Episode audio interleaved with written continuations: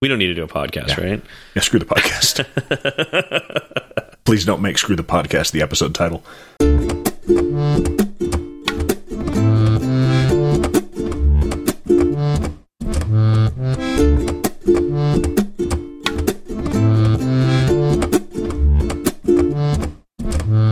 Hi everyone, I'm Jordan. I'm Steve. This is Fireside Swift. How's it going, Jordan? It is going well, Stephen. Um, it's a Sunday. It's a Sunday. I've, yeah. I felt like I was gonna I was gonna wax poetic there for a moment, and then then it just it just went away. Um, There's nothing poetic about a Sunday. not when tomorrow's Monday, and and I believe 100 percent of Sundays are followed by Mondays. I don't know about that. Uh, is that how that works? I mean, there's multiple Fridays. You know, when you get that that Friday off, then Thursday becomes Friday. I guess that makes one Friday. Yeah, so it's like multiple kinds of Fridays. But then you have two Saturdays. Yeah, I guess every Sunday. Yeah, I think It's every like the Sunday definition of a Sunday. followed by a Monday. Because Yeah. then even if you have a Monday off, that Monday becomes a Sunday, and Tuesday Yeah, becomes a Monday. so the Sunday is yeah, still followed get by. two Saturdays in a row. Yeah, Yeah. that makes sense. Yeah. Okay. Yeah. That checks out. This is a technical podcast. It is a technical podcast. Uh, yeah, you know it's funny too that we're recording on a Sunday, even though we don't have to because we don't have the reason we're recording on Sundays today. Oh, you're talking about about them. Them. Yeah. I mean, it's good though because uh, we do have quite a few people in the uh, the the the space, yeah, the Twitter space, which I'm surprised is still a thing. You know, I, we'll see what happens uh, after Elon uh, decides to monetize uh, all of Twitter, and you know, all of a sudden, spaces cost you know five to twenty bucks a person to to start. Yeah. Yeah. I mean, for what he's paying with it, you know, he's going to need to get his money back, and I'm pretty sure right now he's not going to. Jordan's going to say something. Trust decide if I even if I if I even if I even want to say this. Okay, I'll, I'll say I'll say a little bit and, and I'll stop there. No, he, he he doesn't he doesn't need to make his money back. he's he's doing fine. Uh, he probably wants to though. no, he definitely wants to. Yeah. Um, or does he? I don't know. I, I feel like buying Twitter for that amount of money is a bad investment. And I don't think he's doing it to invest. I get the impression he's doing it because he's mad at the moderators. Yes. he just wants he just wants to type whatever he wants to type on Twitter, and so he's willing to pay whatever forty something billion dollars for it. You know what I would spend forty billion dollars on? Not Twitter. Me either. Do you remember when? And this is thinking a while back when Facebook bought Instagram for a billion dollars. Do you remember that? I do, and everyone was like, "Oh my god, can you a billion? What what are they thinking? Well, yeah, what, yeah. What's going on? Like this is so crazy. What was that five then, years like- ago? Yeah, yeah. Maybe a little more. uh, maybe a little more. It wasn't, but it wasn't that long ago. And and here we got, you know, some guy who has an ungodly amount of money for no reason. Oh, I'm gonna get flack for that, aren't I? an ungodly amount of money for no reason, and he's just dropping forty something billion dollars on a on a company that I think they just became profitable like last year. And at that, I don't, I not that profitable that I remember. I could be wrong on that. I don't, I don't follow Twitter's financials all that well, but I know it's only recently that they started making money. Hmm. So, and it's like, it's just incredible to me, just absolutely incredible. And here's the thing: I think it's incredible to me because it's become normalized. Where it's like it was a bigger deal when Facebook bought Instagram, and it was like, wow, a billion dollars. And I feel like more people are just like blown away that a, one person decided to buy Twitter as opposed to the amount of money that person decided to spend on Twitter. Yeah, this is it, rather than a company, a, a social media company buying a social media company. It's just a dude buying a social Yeah. media company. Small and I think that's that's the news, and Yeah. not even is that a dude is buying it. It is a particular dude is buying it. Is what the news is, not Oh, and did you know Yeah. that in only a few short years, you know, you can this this tech company has gone to forty something billion dollars. Are we in a bubble again? We're probably in a bubble again. I think we're in the a stock bubble. market's going to explode. Yeah. Okay. Good to know. Yeah. So just you know, keep that in mind when you're when you're doing like your 401k and stuff. Yeah. Yeah.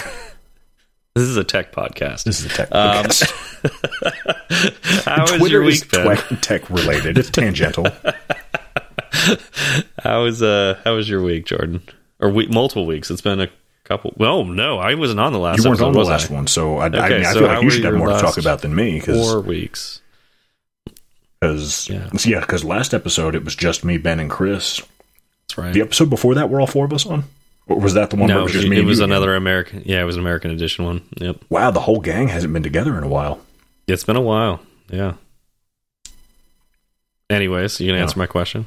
I thought I did. I said it's a pretty good weekend. That's how your last four weeks has been. It's been one long weekend. Oh no, no. Uh, work has been so yeah. To, okay, getting to the meat of things, I guess. Um, work has been extremely busy, and it's the thing I've I've been mentioning. But we are we're getting ready to. Well, we have our replatform project. Our whole e-commerce side is moving over to a new to a new platform, and that is supposed to go live on June one. Um, we are in the QA department, and it still sounds funny to call it the QA department because there are two of us. um, in the QA department. department, we are starting to get busy. Um, some of the Yeah, I would think this month would be kind of crazy for you just because of the whole long. yeah.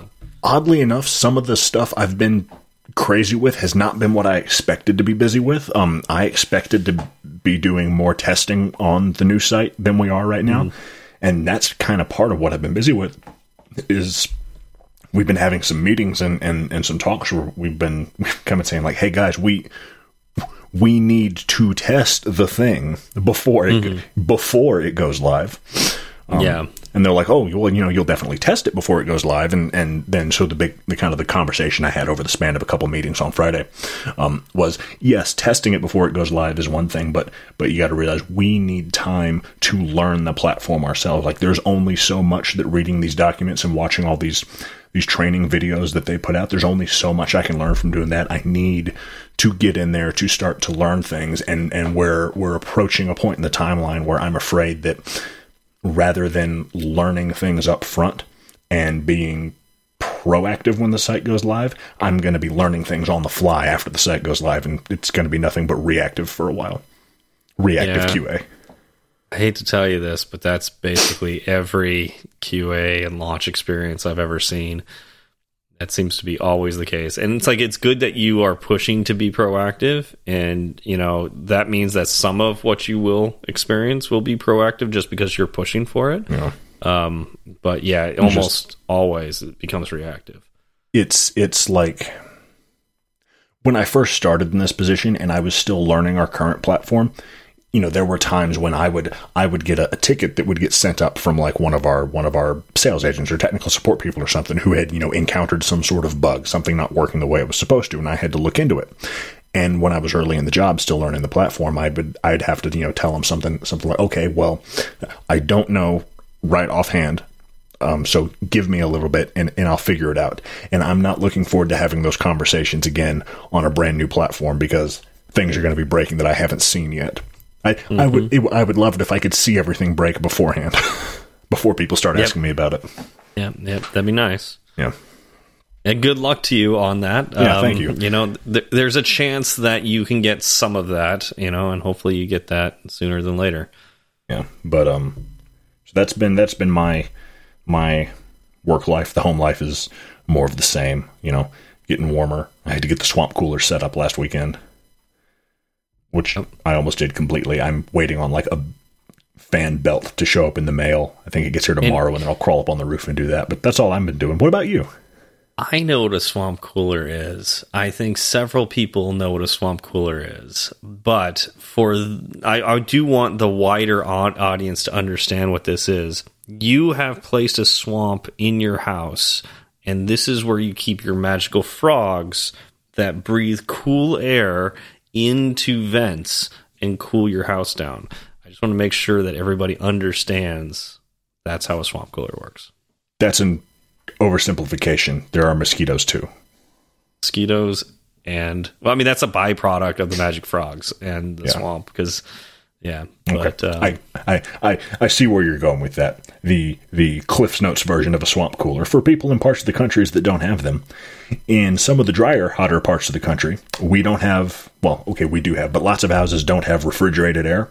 Uh, we have evaporative coolers, which are colloquially referred to as swamp coolers, instead of using a refrigerant. Um, so, uh, refrigerated air uses a refrigerant to, and it circulates air within the home and cools it. A, an evaporative cooler takes air from outside the home, draws it through pads, semi permeable pads that have been soaked with water, and uses the evaporation of the water to cool the air, and then blows it inside.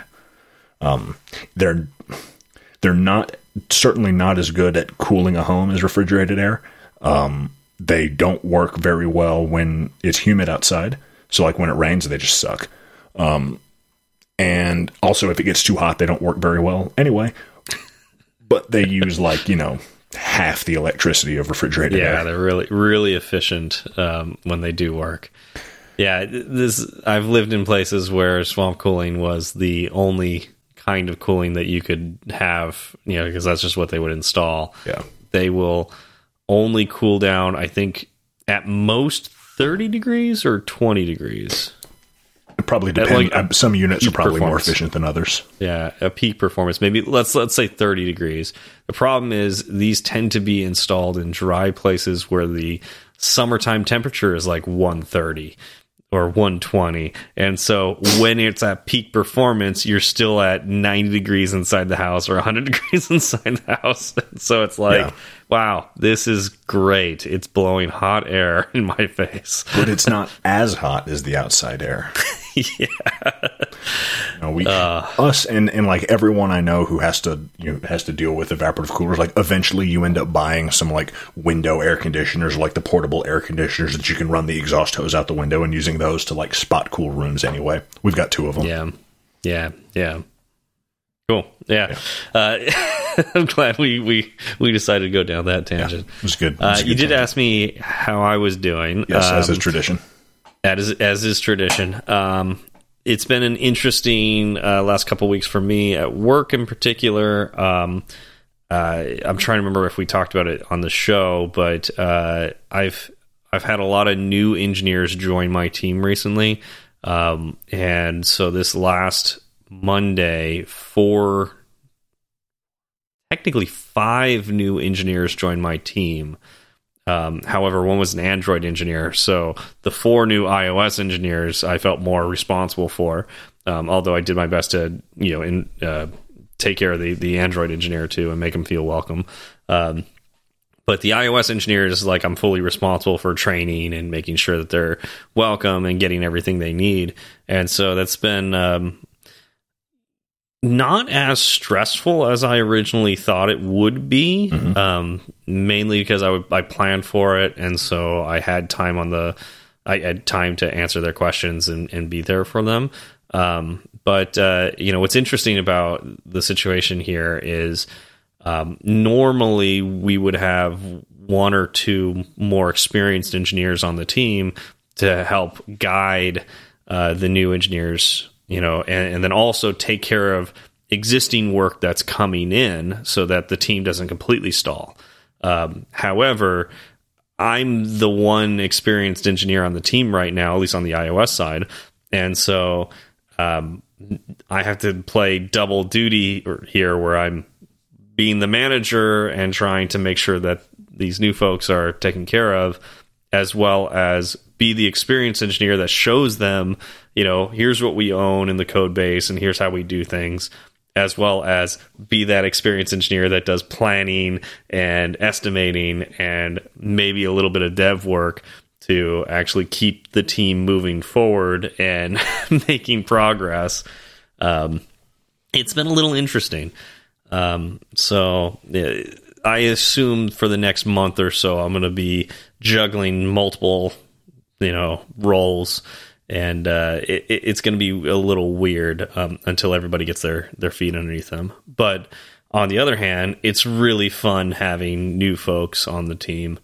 Um, one in particular, E-Man, uh, he used to come to my meetups way back in the day, and uh, I've been trying to hire him for quite a while, and uh, finally had the opportunity to get him on my team.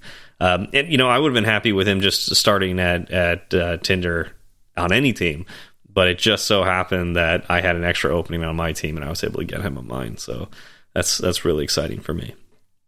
That's great. Getting getting fresh blood. Yeah.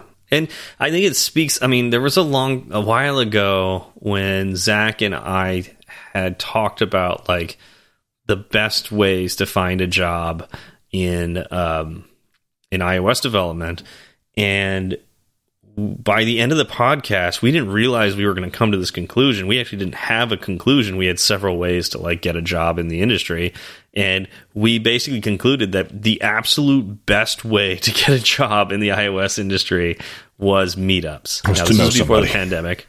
but yeah, exactly.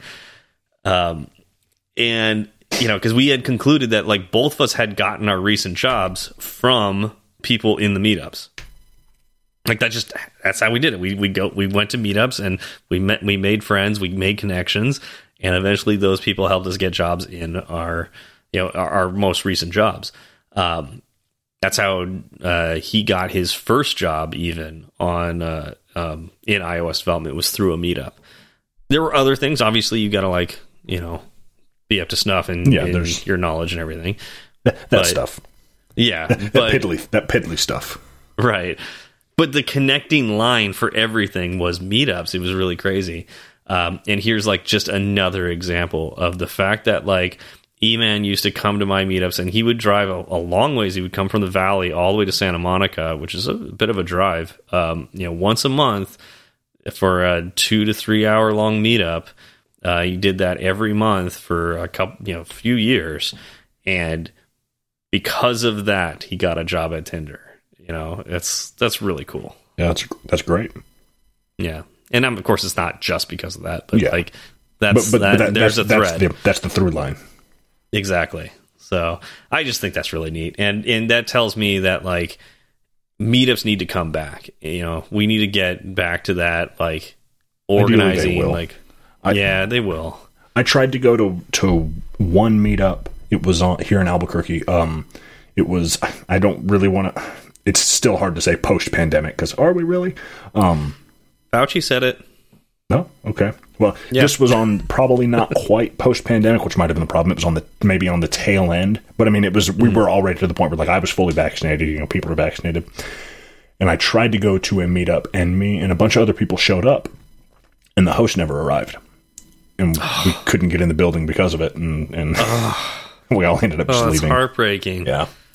Oh, yeah. Wow, that's I'm, that's. try, I'm trying to remember what the what, what the theme of the of the meetup was. I think it was a uh,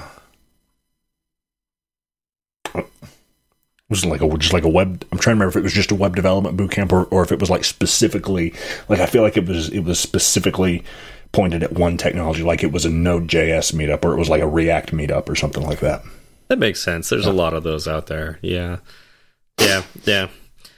I I definitely have been feeling the itch to start up a meetup again. Um, it's obviously going to be a lot harder now that I don't have a physical office, like a company office that can offer that. Like even if even if um, you know I lived in West Hollywood near the the Tinder office, I'd have to jump through a lot of hoops to use the Tinder office for a meetup um, because there's a lot of security in that building. There's a lot of things with that. Um, uh, whereas, like when I was working for Event Farm, tiny company, like almost no security, it was really easy to like use that building as a, a meetup space. I'm gonna have to find a space, you know, out here in in Redondo um, if I want to do the meetup again, and um, that's going to be an interesting hurdle to solve. And I think what that means is if I do this again, uh, the meetup that I start is it won't be free because you know I'm going to have to pay. Because if you're going to have to rent space, yeah. I'm gonna have to rent space, and then um, you know, so I'm probably gonna have to charge for the meetup just to to make ends meet. And that's going to hurt your attendance. it's going to hurt attendance. Although I've heard that actually it can be better um, because folks who pay for a meetup are more likely to go to the meetup. Whereas before, when I would do a free one, it's like, oh, I'd get 30, 40 people saying they're coming, and then five to 10 would show up. Um, so, Mm. you know, it's like if you pay for it, you're more likely to show up. Um, so we'll see. I, I, I think I'm going to start looking for a place to do it because It's like you some know, sort it's of just worker workspace. yeah, you can rent. you, like a WeWork or something that you know. Uh, Or I hell, don't know. e- e- even if it's just like a like a like a, you know a coffee shop or a restaurant has like a room that you can rent. Mm-hmm. Yeah. I'm gonna keep an eye. You know, and if anybody knows any place, uh, particularly Redondo Beach, I know that's like a small community, but you know, if you you still uh, listen to this show, you know, Ed, I know you're out there. If you still listen, I know we. I ran in. I ran into Ed, uh, who used to come into my meetups, uh, and uh, we used to uh, talk. You know, I we would talk all, all the time, and um, he lives out this way. Um, and we ra I ran into him one day um, in Redondo when I was getting lunch. Now that was, I think, before the latest outbreak. so it was like in between. We were in like a uh, like a uh, a trough of yeah, an intermission, and uh, we we talked about meetups. Um, anyways, if anybody's out in this area and you know of a place that you know and you reach out, that'd be great because you know we're at least in another trough right now, Yeah. so I can start thinking about it. anyways, that's that's where I'm at. That's great. Um, speaking of, of reaching out, want to get to the next part? several people have reached out to us, uh, usually in terms of follow up. Uh, you want to ta tackle this first one? Yeah, sure. I'm on the right document, right? Uh, Stewart Lynch is the one that you should be looking at. Okay, great, perfect. I'm on the right document.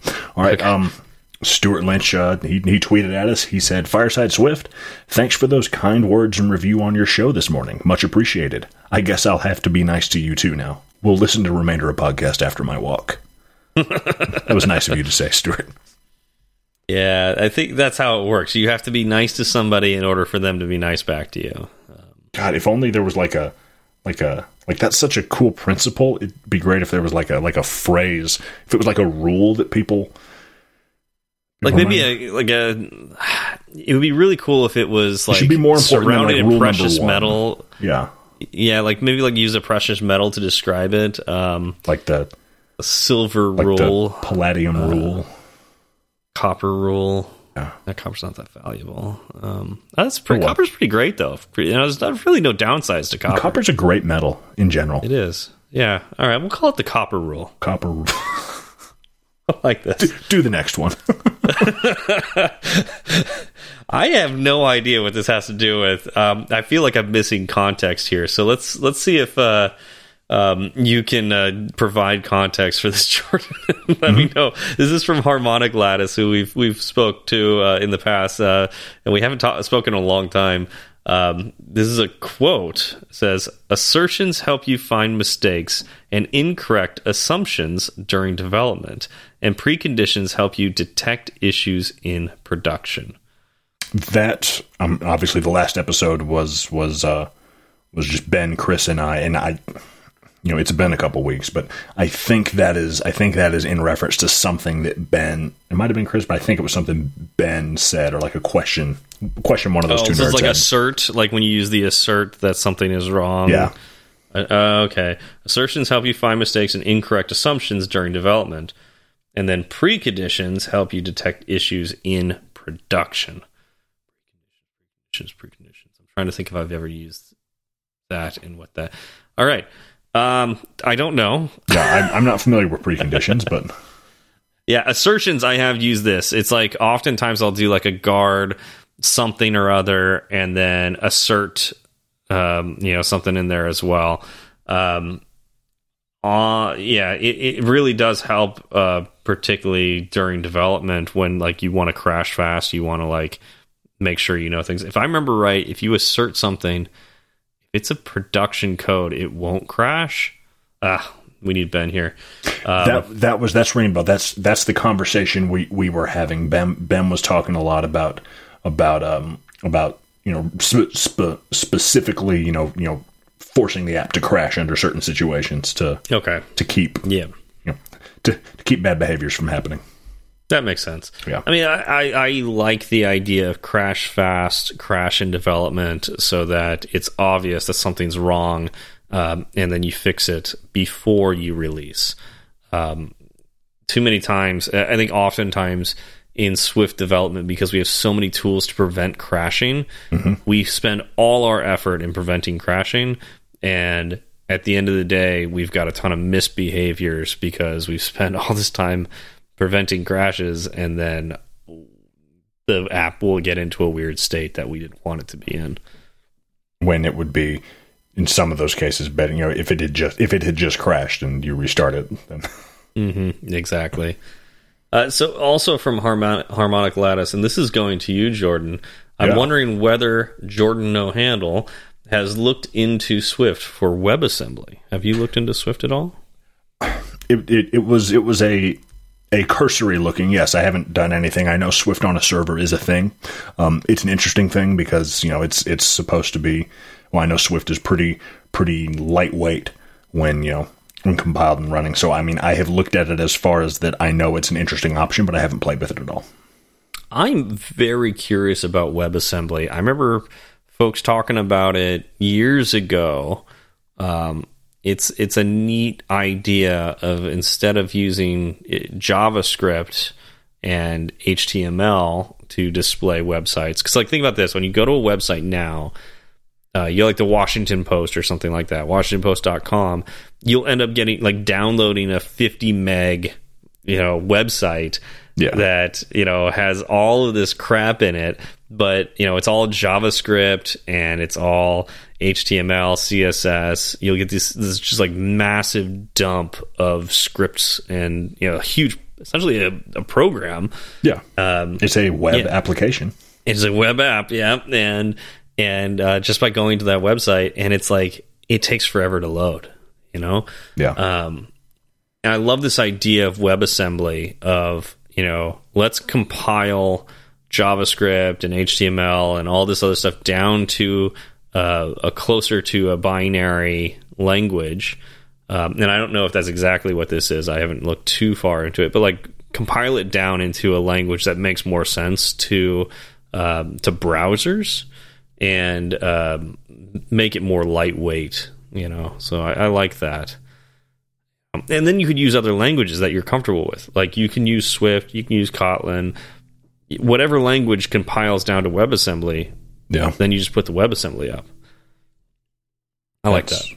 Yeah, it's an interesting. That's an interesting idea. That's somewhere I would like to go in the future. Not just Swift for WebAssembly, but just more WebAssembly in general. But, Yeah, and that's I would say that's a little different from Swift on the server, um, because if I'm and I could be wrong, but as from what I understand about WebAssembly, is WebAssembly has to do with like that front end um, code, like the JavaScript and CSS and HTML. Um, whereas Swift on the server, it can be native Swift on the server because now we're just routing to APIs and doing the logic after we've received um, uh, an API call. yeah. So yeah, it's a little different, but um, yeah, still cool stuff. Yes. All right, so w- what is this next one about, Jordan or Um, Matt? I wish Hef were here. Um, Matt Hollyhead on uh, Twitter, he, he tweeted at us and he, he tagged he tagged Chris, he tagged Hef and said said thank you for this. It will be very helpful. Something I will be working on. It, sorry, it will be very helpful for something I will be working on today. And he included a screenshot of. I think this is the uh, this is the device conditions um, little interface within Xcode. Yeah, it looks like the network link conditioner. Yeah. That uh, looks like uh, you Chris, Chris was talking about it on the last episode, and I, I think well, I, I- I didn't know it was there, and I think Ben said Ben didn't realize it was there either. Chris was talking about it that you can, yeah, you can, you can simulate a poor connection okay. within Xcode. Yeah, and this is for the simulator, if I remember right, um, and you have to download this separately from the um, the Apple, Apple developer site Yeah. or developer app developer.apple.com.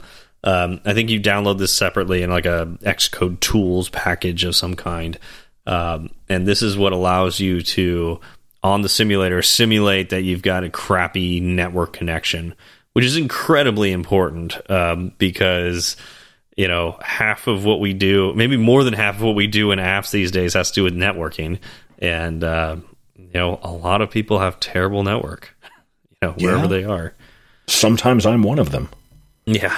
The, the the South Valley of Albuquerque does not have particularly robust cellular infrastructure. I mean, this was huge to me when I was doing events and working in event technology because, like, especially when you bring a bunch of people together in one place, mm-hmm. that tends to cause networks to crash. And um, so you imagine if you ever go to like a theme park or a sporting event or something like that, and you're like, wow, I have no connection. Well, you probably, you know, are connected to the network and probably maybe even have five bars, uh, but all of those people around you using that same network are just going to make it so you can't Just bog get down. information. Yeah. Yeah. just bog it down. Um, so using a, a network uh, link conditioner was a big deal for me in uh, the event tech industry.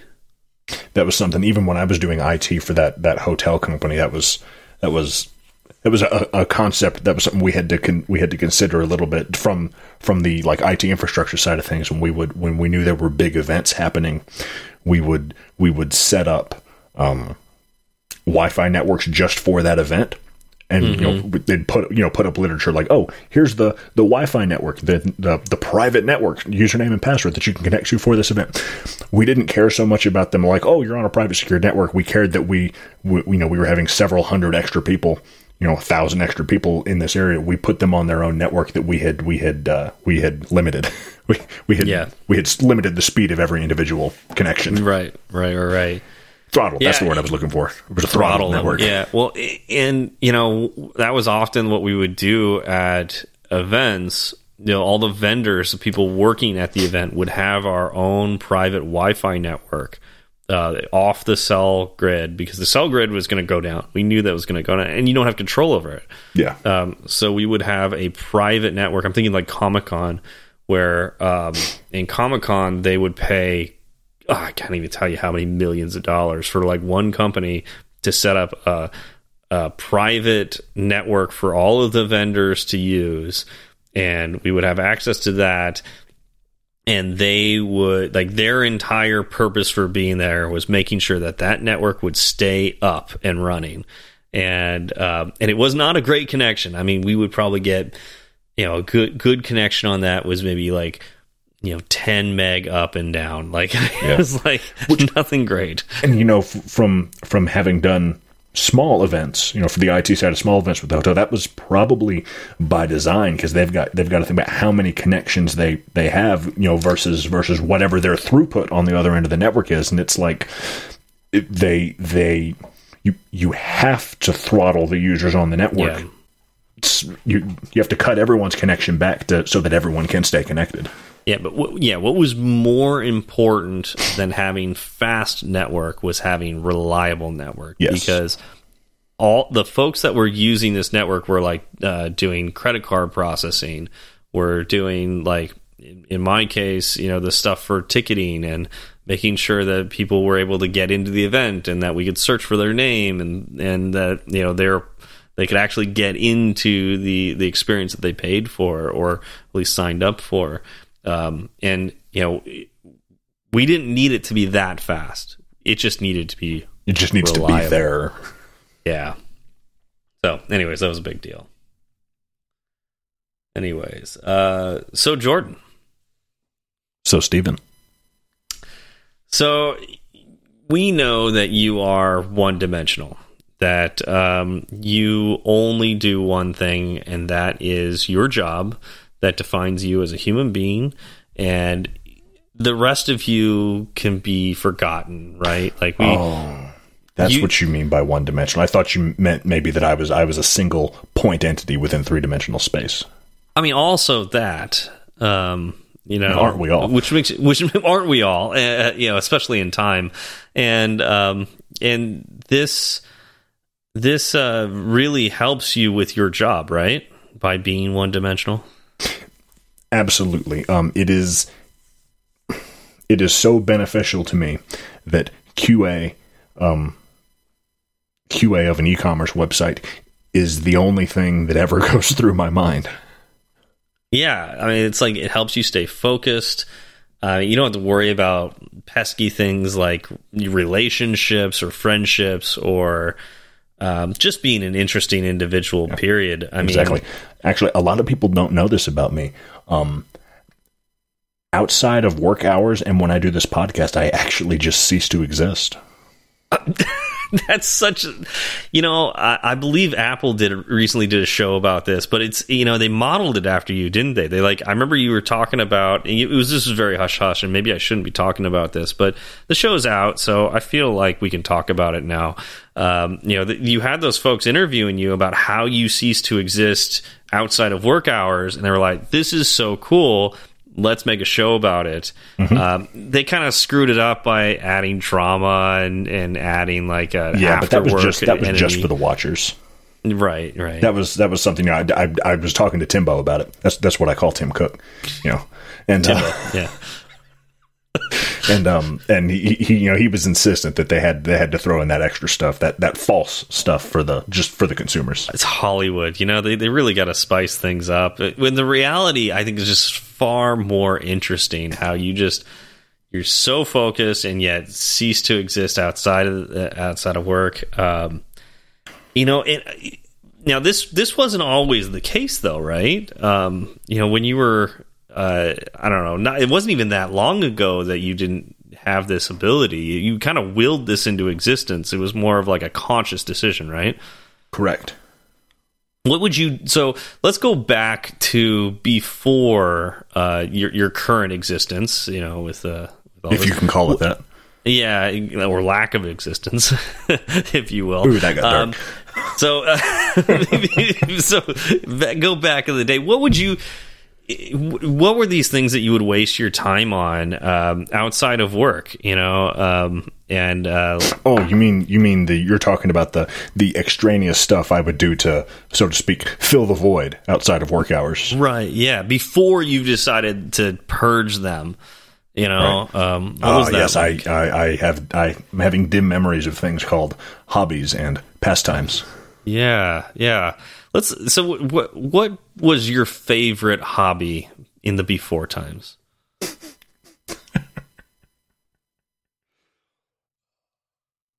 This is ridiculous. You're ridiculous. so, all joking aside, uh, even though the world wants us to um, be completely focused on work and have no other dimensions to ourselves.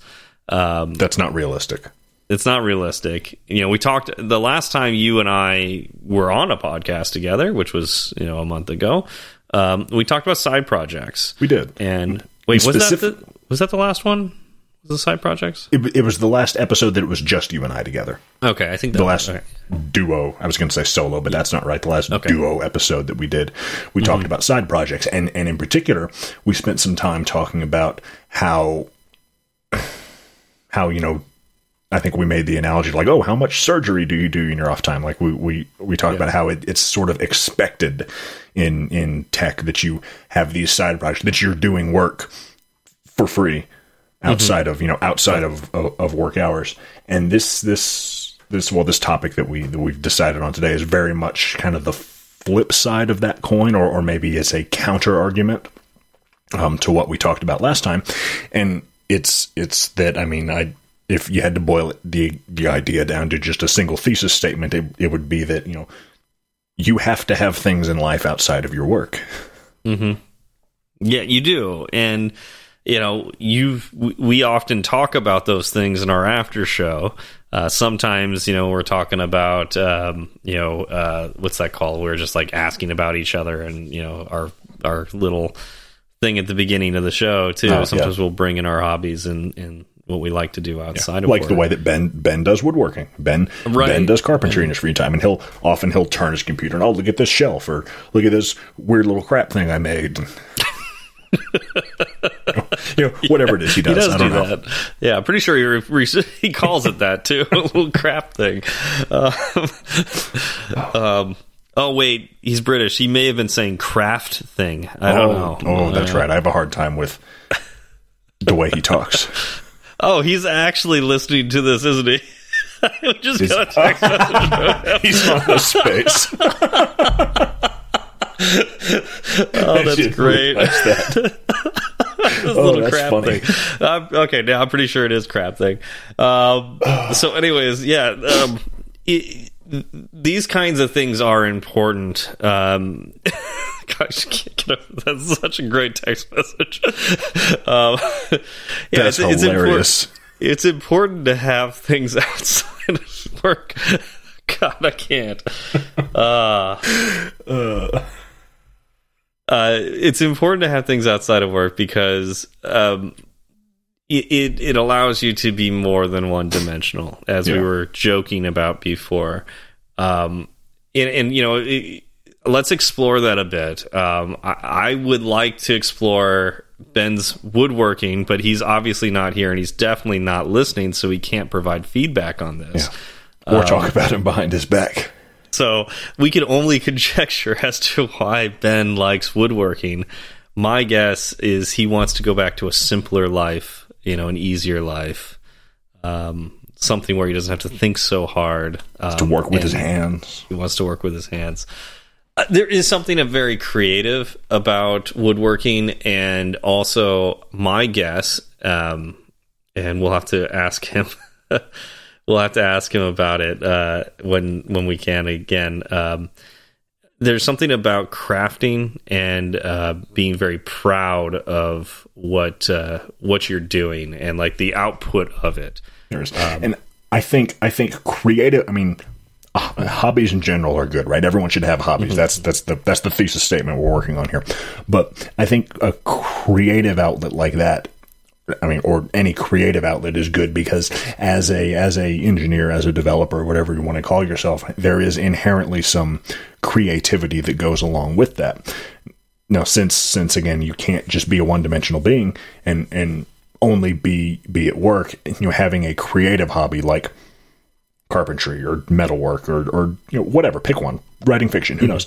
It. I think it. It at least for me, it, it lets you lets you engage, lets you still be creative and and get that that that part of your brain that you know we all really enjoy running. Lets you get that part of your brain mm-hmm. running, but lets you do it on something that's not work, on something Right. that you enjoy for reasons other than that you get paid money to do it. Yeah, there, there's something about it. We get to be creative at work, which is one of the really cool things about being a developer. You do get to be creative, but it's within certain confines. And it, also, I think one of the things that that bothers many developers that I know of is that it is part of a business. And so you may want to like you may know you can do better work. You may know that you can spend that you if you spent more time on a project it would be better you may also know that it's diminishing returns but you wish you could like you wish you could push yourself harder to make something that it will be better but take a lot more time. And with something like uh, a crafting hobby woodworking metalworking um, that kind of thing uh, painting uh, writing you can and if you're not getting paid for it you, you can really like go crazy with that spend as much time as you want to see how good you can get yeah. um, and that's kind of neat where it's like at work your boss will eventually tell you you are spending way too much time on this creative endeavor that will only make us so much money you need to move on to the next thing yeah. And no one wants to hear that. yeah well i mean it's an important lesson to learn if if you want to be successful in that field Yeah, but there's a there's a difference between learning the lesson and and and wanting to learn the lesson. that's true that's true and that's one of the neat things about having a hobby is that uh, like a creative hobby is that you you determine that you determine when it's good enough you don't have somebody else determining it for you You, you don't Uh, have any like deliverables marketing. that. Well, your only deliverables are to yourself. Exactly, exactly. It's like unlimited potential there too, uh, which is really neat. Um, there are some other hobbies too that I've seen a lot of developers take up. Uh, uh, one of the things that, that Ben has taken up, and I would say it, it's creative to a point, um, but it's it's a little different kind of creativity. Photography is something that I've seen a lot of developers pick up. I have also I have also seen that.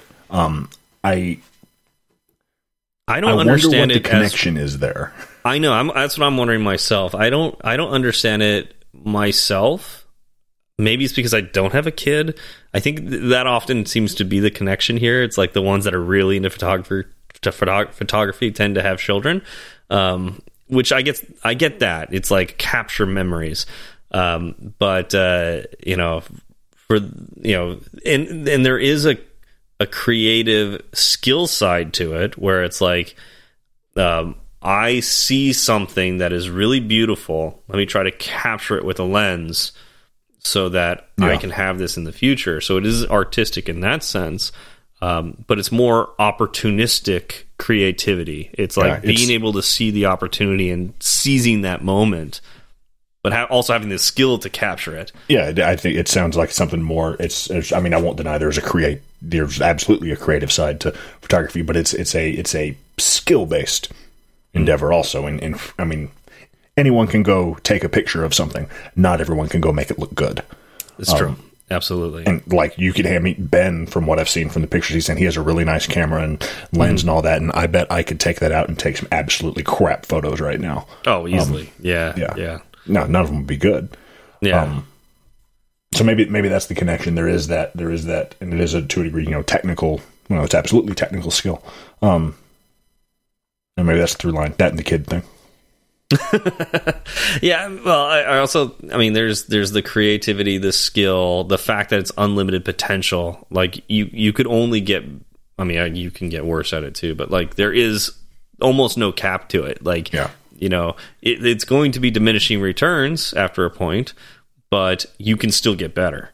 You know, you can you can always get better at it, and that's kind of neat. You know, to be able to like find something that you you could you could continue improving on the rest of your life. Something you like to do is cycling. Yeah, and that is I say very much not a creative endeavor. There's not there's not even a whole lot of decision making to make uh, in in cycling, and I think that's part of why I I, mean, there's like a it. there's a there's a lot of decisions you're making while you're riding. Though, should you turn the wheel a little bit? Should you speed up? Should you change gears? That's true, but that's that's a that's a okay. I guess you are correct in that that is technically decision making, but you know what I mean. It's that's mm-hmm. not. I can let my mind wander while I cycle. I don't. Mm-hmm. I don't mm-hmm. have to unless I'm doing something particularly. If unless I'm like I'm on a particularly technical trail or something, I I don't have to put a lot of active thought into what I'm doing. Are you? Is it something that you choose to do because you could improve on it? Because what? Um, like, do you when you take up when you have the the so this is a, this is an interesting concept. So we can talk we you know we talk about photography, we talked about woodworking as things that you can do and improve on with those skills. Um, cycling is something you could improve on over time. Absolutely. Um, however, you also don't need to. You know, cycling in and of itself is like, do you? I'm going to just ask you personally: Do you cycle to improve, or do you cycle because cycling in itself is something you enjoy? Primarily I cycle because cycling in itself is is something I enjoy. Um, there are a couple different aspects of Im- improvement in cycling, and this is this is I'm I'm turning this into a segue. Um, or I'm using this as a segue rather. There is there is you know a, a marginal well. Okay, there's a very high skill cap if you want to do, you know, very technically advanced cycling, which is not what I do. I do light mountain biking and riding on trails and stuff but there is a lot there's also i the improvement i do uh get out of cycling is the the the physical improvement, the the bodily improvement, which is something that that I have found particularly um, now that I've been working at this job for as long for as long as I have, and I'm spending just so much time sitting in a chair behind a desk. I've had physical fitness on my mind uh, more lately, and that's also probably a function of getting older as well. Um, but it is a it is a hobby that I enjoy that also allows me to to counteract the effects of sitting at a desk for nine hours a day and eating snack food. Yeah. Yeah, the, on our list too is just working out. Uh, You know, a lot of developers will, you know, literally make that their one true hobby. They will all they'll just work out all the time. Um, I've known people who've done Spartan races and do CrossFit, and like when they are not working behind a desk, they are working out. You know, in a gym. And that's, one thing you could do. Um, that is a good thing to do outside of the obvious. I mean, the physical benefits, like I said, of of you know trying to to undo as much as you can all that time spent on your butt. There is there is also something to be said about after a after a particularly frustrating day at work, you know, where you've been very busy and your brain is very tired and you're kind of grumpy and upset by it, to be able to just go and jump on the bike and ride fast for a while, mm-hmm. or to just just go just go to the gym and, and lift heavy things for a while and not think about much. Just, there's I get some value in that. Yeah, I mean, it was, it was Brevin, right? That that uh, and Brevin, you're listening to us, but uh, I don't see you in the Slack channel. Um, if you if you were, yeah, the, I think you, weren't you doing the uh, the strongman competition? Um, so you know, yeah, I think that was you, right? Um, did that happen yet? Oh, he's typing. Good. Uh, did that happen yet? And uh, how did that go? And um, yeah, what do you think about the using working out as a as a hobby? Yep. Yes, yeah, he just yeah he trains for strongman. Good.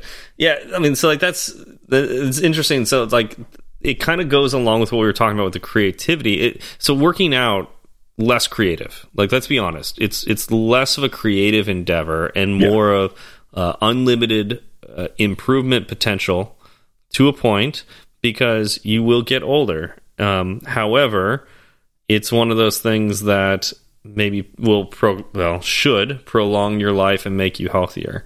Um, okay, so here we got an update from Brevin. Uh, it was uh, his competition was on April second. He won, um, and he says that training is one of the things he looks forward most every day. So that's that's awesome that you won because that Yeah, was your first congratulations, man. That's competition, right? That's awesome. that's really cool. Um, yeah, and it's like that's that's neat. You know, in this case with with Brevin, you know, he's working to improve. He's competing against other other folks in his um, Goal oriented there. yeah, very goal oriented.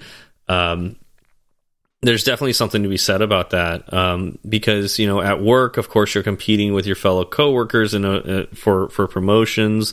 Um, you are competing with yourself to improve and um, you know hopefully just just be well liked by your coworkers and Unless you work in a toxic environment, then you're competing against your coworkers for improvement. That's true. Yeah, directly competing against. Yeah. Um, Yikes. I mean, in, in even in non-toxic environments, you know, you are often competing with your coworkers, maybe in a friendly way. You know, like everybody knows that good competition breeds Yeah. success. So it's like maybe But- friendly and- competitions. And that's different. Yeah, yeah, exactly. Um, but anyways, I, I, I think working out is an interesting because it's like it's not as creative as uh, you know the the woodworking, photography, painting, writing um, hobbies that we talked about. Yeah. Um, but uh, definitely can be a release. you know, it could be something you look forward to. there, there's some there's some uh, there's some other hobbies that one could have, and by one I'm pointing at people like you and, and to a degree me. If if you're looking for something to do that is that is maybe a little more technical in nature that still uses the computer and possibly some technical skills that you've acquired over your life, um, can you think of something that you do, Stephen? Are you talking about the microcontroller topic? Because uh, No, I'm I'm, I'm talking I'm talking about the I'm talking about the big vat of liquid plastic in your garage.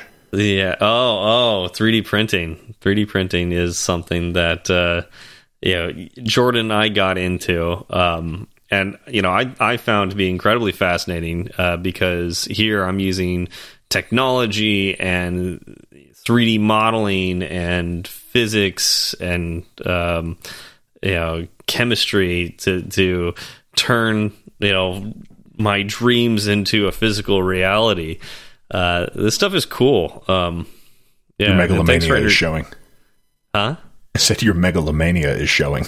yeah, I get to create life. Um, yeah. So you know, Jordan introduced me to this hobby. I mean, I I'd seen it before and like had been around it, but really when he got his 3D printer and I got to play with it, it really sparked something in me. I was like, man, I really gotta get into this more. Um, so yeah, it's this is it's it's a cool hobby to to to get into, and it's. I mean, it's kind of frustrating too, though. yeah, when when well, I think the frustrating because some prints can take so long, and if then if there's an error in it, it's like oh that time wasted. I I like the 3D printing thing. It's it's I think in my mind I, see it as more of a tool. Like I I really don't know how to you know create 3D model to create a 3D model from scratch of something that I would want to print, and and I I doubt that I have the the creative, you know, eye and artistic capability to really make it happen and look good. Um, here I am being my own harshest critic again. yeah. What do you have there? So I I'm holding uh, uh, something that I 3D printed on per I designed and 3D printed on purpose. Uh, so I'm gonna hold it up to the camera for Jordan to see. Okay. Um, so this was um, this is a piece that I made, and and I I see it's it's like a little medallion. It's like a little coin looking thing. Um, there was two things that I wanted to do with this. One is I wanted to design something with a 3D modeling software uh, and print it out. That was something I really wanted to do. Um, I use Blender because it was free but man, I really want to find something else.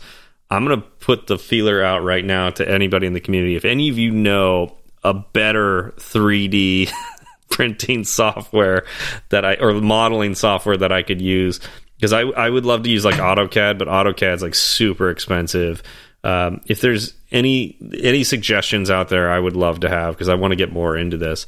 Um, but here's what I did. I I was going to a concert with some friends and I went online, found the the symbol for the uh, the the performer, and um, I modeled that in Figma. Like I copied the PNG on on their website, got in Figma, basically like made uh, vector graphics of that that symbol put the date of the concert, put the name of the artist um, above and below the symbol, and then put a circle around it. So that's the coin.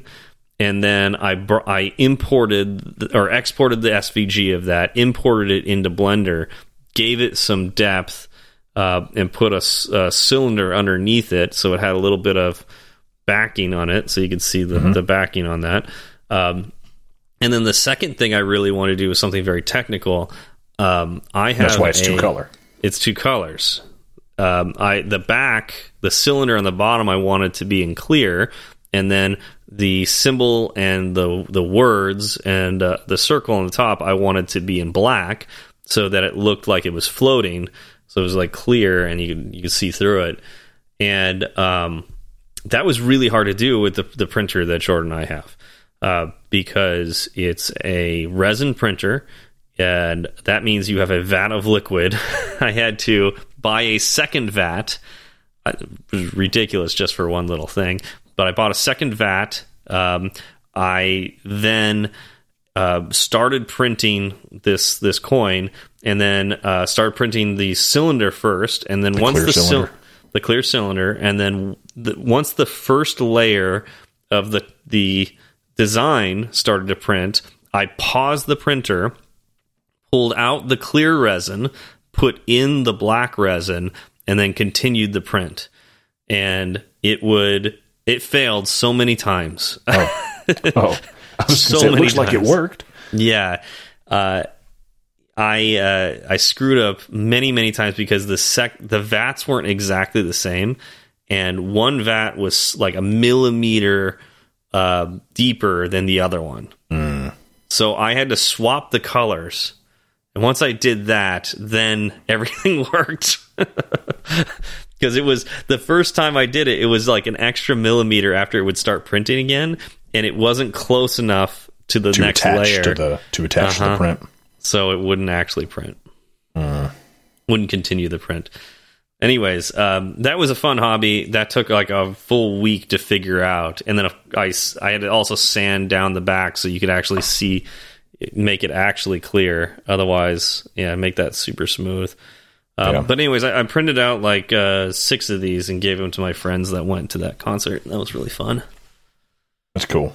Yeah, and I, I want to do more of that, uh, and that's something you can do with with 3D printing, which is super cool. Um, and then you know, I want to cap this off with the, the the hobby that I love the most, which is board gaming. And Jordan, I know you're you're into this hobby as well. And this this hobby doesn't make a whole lot of sense to me when it comes to programming because it kind of feels like it's a lot of the same thing. Yeah, yeah, I can don't see know- that. I don't know why I love it as much as I do though. Like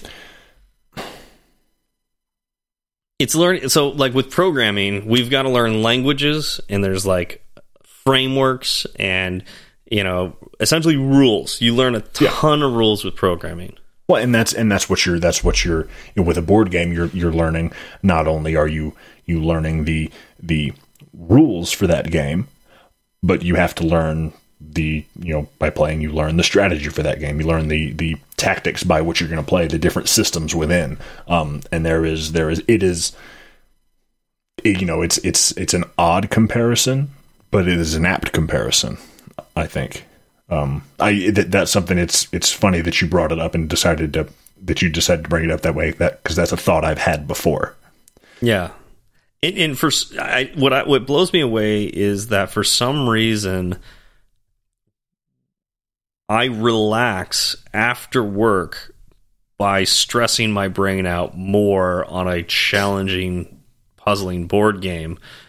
And it's like I'll be like drained from work, you know, after like spending a lot of time on like a difficult problem. And I mm-hmm. won't want to go like I mean I sometimes I do want to like go sit on the couch and just watch TV and just like veg. But more often than not, I want to challenge my brain on a different puzzle playing a board game. And it's like that kind of it's sitting down, it's staring at not a screen, but you know, a, a physical Cardboard board. paper. Yeah, but it's a puzzle. I'm doing a puzzle again. It's weird that I find, um, you know, I, I find uh, relaxation in that, and uh, and, and that's that's that that's that's an interesting, I think an interesting psychological phenomena that we could we could probably touch on poorly. poorly. Yeah, But no, it, it has to do with you know it's with something you. Not saying you don't enjoy your job because I know you do enjoy your job, but but like doing something that you enjoy, like like a hobby, like something that you enjoy, you know, for pleasure, versus doing this a very similar, if not the same thing, because you have to. There's mentally, it's it's different. You're in. I think you're just in a different headspace going into it, um, and it makes the makes the one you enjoy a lot easier. yeah, yeah. It it, kind of. What, I'm curious how the difference is between that and just doing a side project. You know, uh, because then wouldn't wouldn't that follow that the uh, that working on like a, a side project be the same kind of challenge and give me the same kind of joy? And I will say it doesn't. It doesn't give me the same kind of joy. and I think that's that's to I don't know to be to use an extremely well to use a common turn of phrase, but that is very vague when you're trying to figure out the ins and outs of it. I, I think it's just that your heart's not in it the same way, you know. Yeah, and, and I, I wonder if there's just something about um, the physicalness of board games, the fact that board games tend to be uh, simulations of interesting situations that you can solve with your friends. Um, it gives you a chance to play out scenarios that you wouldn't normally be able to play out. So you get to challenge your mind in a way of saying, like, well, I wouldn't normally be in a situation where I'm an insurgent army against a, you know, I'm the general of an insurgent army against a, a well trained, uh, you know, militia or something like that. Being um, led by a close friend of mine, but if I were, here's what I would do. Exactly. it's a, uh, there's something about that. Maybe it's the fantasy nature of it to be able to. And, and you know, um, Ben asked us in a text text message: Is board gaming a creative outlet? Um, I think that's where the creativity can come into play, where um, being able to imagine that you are actually in these situations and um, yeah, you know it's not just about learning the rules and winning the game. It's more about what is this experience and what can I learn from this experience and uh, just enjoying that time. You you you do tend to enjoy games that are just dripping in theme. So yes, yeah. There's a game that, that, that yeah, there's a game that Jordan and I like to play called Arkham Horror Living Card Game that uh, is not very strategic. It is not very, maybe a little tactical, but it's more like just reacting to the things that are occurring around you. And uh, given a very limited tool so set. But yeah, it is dripping with theme and story, and you're like, ah, I just want to run away. that's that's perfectly viable. You can do that. Yeah. Yeah there's something about yeah, just being able to uh, role play, you know, and and there you uh, go. That's a good way to put it. Yeah, mm -hmm. it's that that's a that's a different type of of creativity. Yeah, it's a it's a mental creativity. Yeah, absolutely.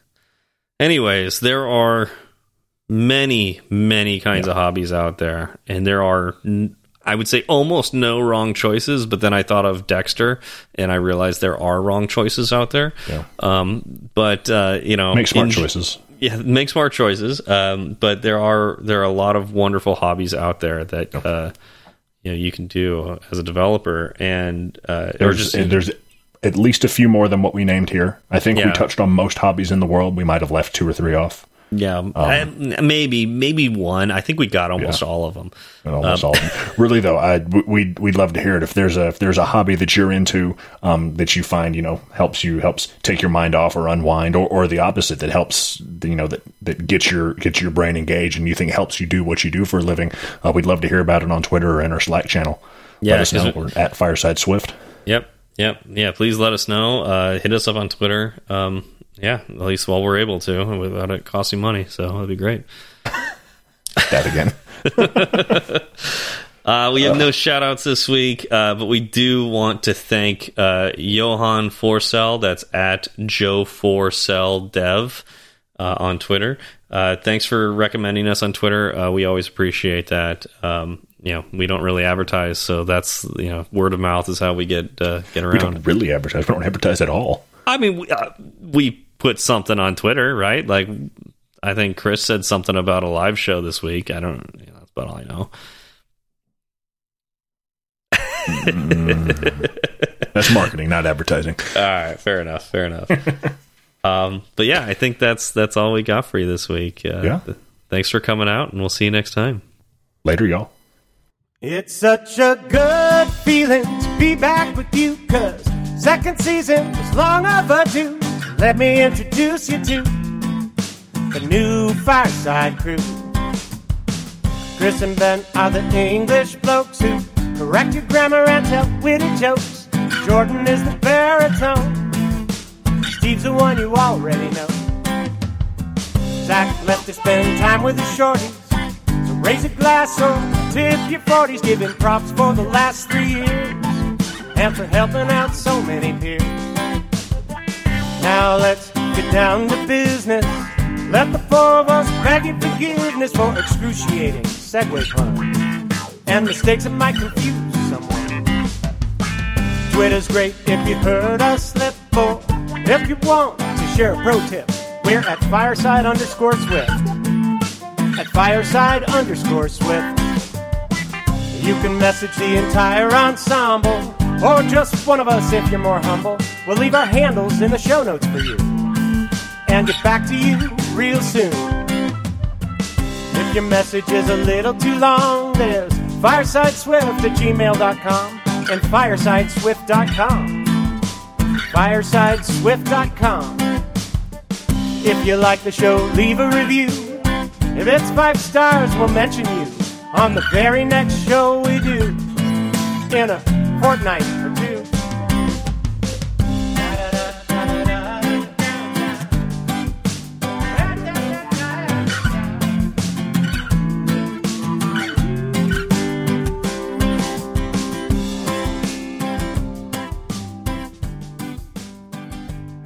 Friday, you were making burnt tips, Burnt ends.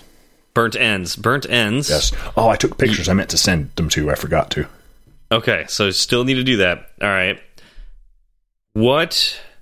Okay, tell me about this. Uh, let, let's start since. I mean, I, I want to hear about this, but I also want others to know what burnt ends are. So, So I tell me about burnt ends. I have a. I mean, my knowledge of burnt ends is cursory at best. I'm sure if and when Zach Zach listens to this, he he'll yell at me, and that's fine. Um, he won't listen to this. Um, no, he won't listen to this. so burnt ends are are like so like say you make a brisket, right? And you know when you and I we have we have smoked briskets before, so you know what's going on. right, right. So we, like, we also almost burnt down a cabin when we were smoking a brisket. not almost. Oh, low side of almost, not high side of almost. Let's let's clarify there. um. So, like you, you smoke your brisket, you know, and your brisket is you know big and fat at one end, and typically narrows down and gets skinnier at the other end. And the mm-hmm. skinnier end is is the the less prime portion. That that tip is the less prime portion of the brisket. I think probably just because it's skinnier and it dries out a little quicker. That makes sense. So I guess the idea with burnt ends is that you you you cut that piece off. You Is this when you're done cooking, or you just is like before you start cooking, when, or after you've already smoked it. Like the the the meat is the meat is done, as I understand it. And you cut that piece off and you you cube it up, right? Okay. And you you know you put like your your I mean in the case what I did, um, brown sugar and barbecue sauce on it. Really just kind of get it nice and coated. I, I tossed it in that stuff, and then put 'em put them in. Well, you got to put them in a pan or a basket or something because they'll they'll fall through the grates of the grill. But throw them on the grill on like medium high heat for a while and, and let them crisp up. Side note, I need something like that. I really need like a basket with a mesh so I can like grill veggies and stuff like that. I've been using my grill more mm-hmm. and that is something I've really noticed is I just need or like cooking fish too. That's something Yeah. that you need a basket for. I, I have a basket that I can do stuff like that and like the veggies and stuff in. Fish, cooking fish on the grill. I actually like doing one of those. Uh, you can get like these cedar planks, and you, you, you it's like a plank of wood. You soak it ahead of time so it doesn't. Okay. I mean, it's still going to burn. what- that but was so it be my doesn't next totally question, is how ignite. does it- yeah, soak it ahead of time and cook the fish on top of that. But um, Okay. yeah, you throw these burnt ends in in the basket and you cook them. I mean, the meat's already done at this point, so really you just kind of cook 'em cook them and and crisp them up. You know, caramelize that sugar and, and barbecue sauce that's on the outside, and then they're they're great for like. I mean, you can just eat them off the plate, but like I, you know, we when we had them the other night, we threw them in, you know, in burger buns. Okay. But you didn't you didn't make a brisket. Right. I didn't make a brisket. I followed a recipe I found. I just googled it and found online, but it's called Poor Man's Burnt Ends, and it's it's you know I think it's called that because briskets are expensive. Well, that's cuz you get a lot of meat with You get a lot of meat with a brisket. So this was you you I did everything just like I said, except instead of cooking a brisket ahead of time, I cooked you I cooked a chuck roast. Or in our case, since we had people over, there were a lot of people. I did two chuck roasts. They were about three pounds each. Okay. Um, and instead of cutting a piece off and cubing it up and turning it into burnt ends, I just did it with the whole roast. Okay. Okay. So you you if I remember right, you said you cook it up to you put in the smoker, you put your roast in the smoker, you cook it to 185. The recipe I said it said it said smoke it to smoke it, you know, do your dry rub, whatever, smoke it to 165, then wrap it 165. Yeah, then wrap it and go to 195. 195. Okay. And I remember when we like so we were talking about this early Friday and you said it got to 165 much faster than you were expecting. Yes. But then you had work to do, so you couldn't you didn't have time to go wrap it. And I was like, well, you're going to hit a stall somewhere in there, so you, it should be fine. What happened? I didn't hear anything from you since. I assumed the house burned down and Yeah. you died. No. So Well- that apparently did not happen. Um, well, I did die, but I lived. okay, you came back. Um, Yeah, I came All right. back. No, what happened? Yeah, I, I got ended up getting the the roasts. They hit. I I bought a, a I got a thermometer that has you know two probes with like the cables you can run inside the smoker, so I don't have to open the door to check the temperature. I mean, okay, but you. This is something I was curious about too, because you had two probes in it. Mm-hmm. Did you put two probes in the meat, or did you use one? Isn't one designed for like like uh, measuring like the the heat of the grill? I mean, you could. I um I my thermometer has four probes. Four probes. Yeah, and also Like my my smoke my smoker's Okay. digital, so it, it controls its temperature pretty well. Yeah, that's what I was thinking. You don't really need that one. So you, okay, so you just used one probe on the, in the meat. Well, two because there were two Oh, roasts. two pieces of meat. two pieces of meat. Yeah. So they hit 165 a, a lot earlier than I was expecting. I, I was thinking it was going to go. I mean, well, based on what the recipe was saying, I was thinking like, oh, I, you know, I'm going to have to cook these like you know four hours or whatever to get there. Mm-hmm. That was not the case. Um, I don't remember exactly what time it was that I saw they'd hit 165, but at that point in time, I was really busy with work. I, I didn't have time to go pull them out and wrap them and put them back in. So I just left them on and let them let them get up to to 195 without having wrapped them. It went Oh wow. fine. Like you know, I pulled them in, let them rest, cut them up, did the grill thing. They turned out at the end. They were everyone loved them. Like all my guests Were were. they a little dry? all my guests loved them. I thought they were a little dry. Now I know that is because one, I am my own harshest critic, of course, um, and number two, it's well, in my thinking they were a little dry. I don't know if it's because I didn't wrap them or if I if I crisped on the grill a little too long. Okay. But but everyone other than me seemed to love them. I thought they were pretty good. Okay. I would think. I mean, I know wrapping it like the one of the ma- there's two benefits to wrapping meat. One is keeping those juices inside the meat, and that's that when you hit that stall, what you're doing is you're melting that that fat. Yeah. So like all the energy is going to melting the fat instead of cooking the meat. Um, so the wrapping it will keep that fat inside the meat, so it should make it taste better. Yeah, because the fat is where all the flavor hides. Right, exactly. It's flavor juice. Yeah. Um, and then uh, uh, another reason you would want to wrap is if uh, it also helps uh, speed up the cooking process. So it will actually cook faster, uh, get through that stall quicker.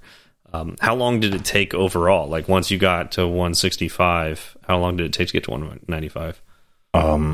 so it did it did stall. It stalled somewhere around 180ish um and the stall took a while. Um i think i because i pulled them off the trying to I'm trying to remember like what time i did the thing. I didn't take them off the smoker till i was done with work for the day.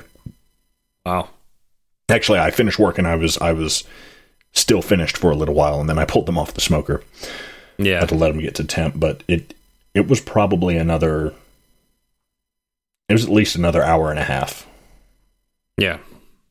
to get th- to get through the stall and get to get to one ninety five. So at least another hour and a half, if not two. It's kind of crazy how that works. It's like you get used to the numbers ticking up at a certain speed, and then like yeah, I, I this happens a lot when I I do pulled pork, and it gets to like 170, 175, And it just stops. and then well, it stops, and sometimes it'll even go down. It'll go to like 174, or 173, and it's just like, wait a minute, what is happening? And I go check the smoker to make sure that it's still on, and it's like, yeah, it's at the right temperature and everything. Um, yeah, it's such a weird, you know, phenomenon. Just some weird weird. I guess that's chemistry happening in there. yeah, chemistry, ah, science. So this was for a get together. Yeah, uh, we- you're we had some friends over um for a board game night. This is this is the group of friends that actually it's the it's it's officially the the number two Dungeons and Dragons group I'm in. But Okay. we we the number two, second place. They- Hopefully, they listen to this so they yeah, know the second place second group. place. Um, Okay. oh, my it. second favorite people. Uh, second favorite. Yep. and we had decided I, I forget I forget why, but we had decided several days ahead of time that we, we didn't actually want to play D and D that night. Okay. Um, and but that we still wanted to get together and like you know do potluck and because we usually do potluck when we get together, and we decided to play a board game instead. Um, so I I did the I did the barbecue for that. What'd you play? We played a six player game of Spirit Island, Oh wow! and it was great. I'd never How played. long did that take? Oh, and some of them hadn't played it before. Only one person hadn't played before. Now the other, there was only one person who hadn't played before. Two of them had only played one time, and then the other three had played several times. Wow! How did that go? I, I need to know. I mean, we won, of course. of course. Um, it it did not take as long as I was going to think. I mean, it's Spirit Island, so it still was you know a multi hour game, but Right. but it actually it went pretty well. I think because um we had an we had an interesting combination of, of spirits. Um, Okay. spirits in play. Three people. There were three people that were playing ones that were all really good at fear generation. Oh, okay. So even though you know with six people playing, there's what like thirty fear in the pool. Um, we got Right. through the fear pretty quick. Twenty four. Twenty four, whatever. Yeah. Math. there was math number of fear in the pool. Math number. Yep. Yeah. Um, so yeah, we still got through it pretty quick because one person was playing. Um, actually, the one I was I was most curious about. I'd, I'd never played it, never seen it play, but one person played uh, Bringer of Dreams and Nightmares. Okay, yeah, there's your fear generation right there. Yeah. That's a difficult one to play as. Although with I would think with six people playing, that would be an ideal spirit to play with because they could just push all of their annoying pieces into other people's Yeah. islands and let them take care of them. Yeah, and then and then another person who was actually on the board was right next to them. Started on the board right next to them was playing as a Sharp Fangs behind the leaves, who also generates a lot of fear, but is very good at being mobile and, and picking off straggling. And So Right, so it can we ended up Go because right them- into the bringer. Yeah we, we ended up with one half of the island that was just it was taken care of. Um, nice, nice. and then the third person. So, Bringer Dreams and Nightmares was the person who had never played before. Sharp Fangs was Sharp Fangs had Oh, that's- only played once, And usually a terrible idea right, there. and then the other guy who had only played once before, he played as um, what's the name of that one? Shroud of Silent Mist. Oh, I love that one. Yeah, also That's one of of my. Fa- that is becoming my favorite spirit. I did not so realize I- like I'd looked at it before. I'd never played as that one. I didn't realize that that one that one could could prevent like cities and towns from from healing at the end of the round. very complicated to like keep track of everything and to like not forget like your powers and all that but um a very thematic and interesting spirit about like slowly spreading your presence out like a dark fog and then choking the invaders Nice. really cool Yeah. So between the three of them, they generated a lot of fear. I yeah I I filled more of a more of a support role since we were playing with so many players and half the group were pretty new at it. I played as one that I was familiar with. Um, So I wasn't trying to learn a new spirit and, te- and teach the game. So I played as Serpent Slumbering Beneath the Island. oh you love that one and that one again if you just you're given enough time you can destroy anything Yeah. Yeah, because if you're once once you build all the way up, like you're the third tier, one of those innates is like, all right, in every land, do X damage, where X is the number of your presence either in the land or adjacent to it. It's like, oh, okay, that that's a that's a board wipe. Kaboom. Yeah, yeah. Well, that's cool. Yeah, I'm glad that went well. And you know, in theory, that's a game that you could play with. Excuse me, any number of players, you know, up to six, um, and it should not take any longer because, in theory, everybody's taking their turns at the same time. Yeah. But that's only if you've got a bunch of experienced people. Playing. If you have experienced people, we didn't, but I mean, they it's a smart it's a smart group, so they you know they picked it up pretty quick. So yeah, the game did not take as long as I was expecting. I do like how Spirit Island scales with number of players. It does a very good job of scaling yeah, from one player all the way up to six. I mean, that's such a good game. I I still don't play it enough. I feel like I could play that every day and learn something new. It's such a very well made game. Yeah. Um, because there's all kinds of yeah you could play it every day and learn something new because there's all kinds of interesting interactions between the different spirits you can play as because well there's so many to play as yeah.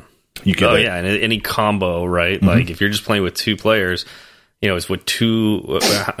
Gosh, I, I, how do you do the math on that? Like, uh, two to the power of however many different spirits there are. Is that the right way of doing that? No, that's for how many wrong. different combinations I feel like there's a factorial in this. well Yeah. yeah there would be because you can have you can have games from two up to six so i mean So I mean, that two, six two- factorial? two to- well, two to the power of however many spirits there are. That would give you the number of two-player combinations. Okay, that's what I was then thinking. you'd have to do that plus three to the power of x, x being the spirits, plus four to the power of x, plus five to the power of x, plus six to the power of x, yeah, or something like that. That's quite a few combos. yeah, that, Yeah. that would cover the total number of combos with all player numbers. You know, Yeah, so total number of two-player adding- combos plus three-player combos plus four-player combos, so on and so forth. Yep, and then add uh, adversaries in there. Yeah, we did not play with an adversary to, in the in the name Um, yeah. of making the game faster. Oh yeah, totally, It- it- absolutely. But you can, yeah, as soon as you start adding adversaries in there, and then the levels of adversaries, then you've got scenarios, that levels of scenarios. Yeah, it's just it's so, and then of course every every game's gonna have different events that occur and different powers that come out. So every game's gonna be completely different. It's amazing how how many combos there are in Yeah. that game, and I- yet it feels it doesn't feel like the game is controlled by chance at all. no, no, it doesn't.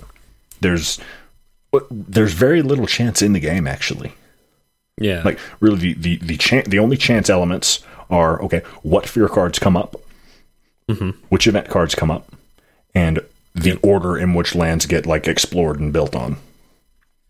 and there's a minor bit of chance the fact that the three cards are pulled out for where the invaders are going to go and that really matters in the first and second stage Yeah, after that level three it doesn't really matter Yeah, because there's no double lands in the first yeah second stage. So, so it's a, it's a big deal in the first stage because which one of four lands Yeah. will the invaders not explore I was at the at the end of the first stage. I was I was doing that little mental guessing game where I was trying to plan a turn. I was like I was like okay, it's like they haven't it's like they haven't explored into mountains or sands yet. Which one is it going to be? Yeah, exactly. So I yeah, and that's what I love about that game too. It's like you can you can there's enough strategy and thinking and like lack of you know lack of luck that you can have a cohesive strategy and um, and uh, plan your your turns in advance and everything like that. But you can't like you don't have infinite knowledge, so there's no, like there's no point in like spending too long thinking about something because there is chance out there. Uh, and that's the thing is like there's chance, so there's enough of it that you have to play a little bit tactically too, and that could play into your strategy of okay, I'm not going to take a fast power now to eliminate the thing that scares me.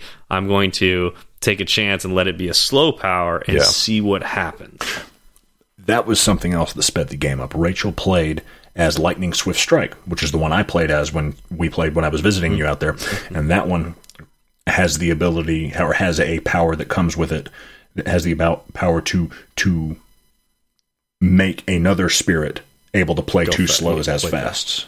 And that's a that's a that's a game changer. That's a really It really is. That's yeah, a- most slow powers are more powerful than fast powers. that is I think that is one of the stronger unique power cards in the game. Mm-hmm. That one mm-hmm. and then the serpent slumbering beneath the island has one called Elemental Aegis that is it's you you have to you know target a land that you have presence in and you defend two in that land and in all adjacent lands plus an additional one for every uh, essence you've absorbed.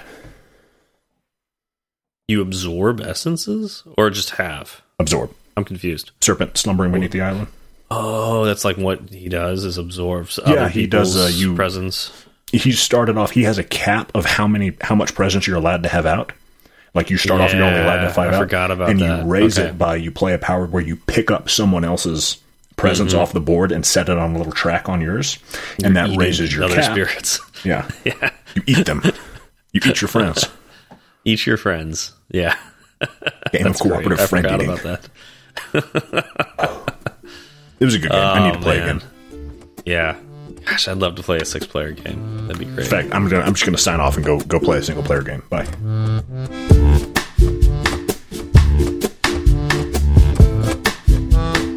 Ding.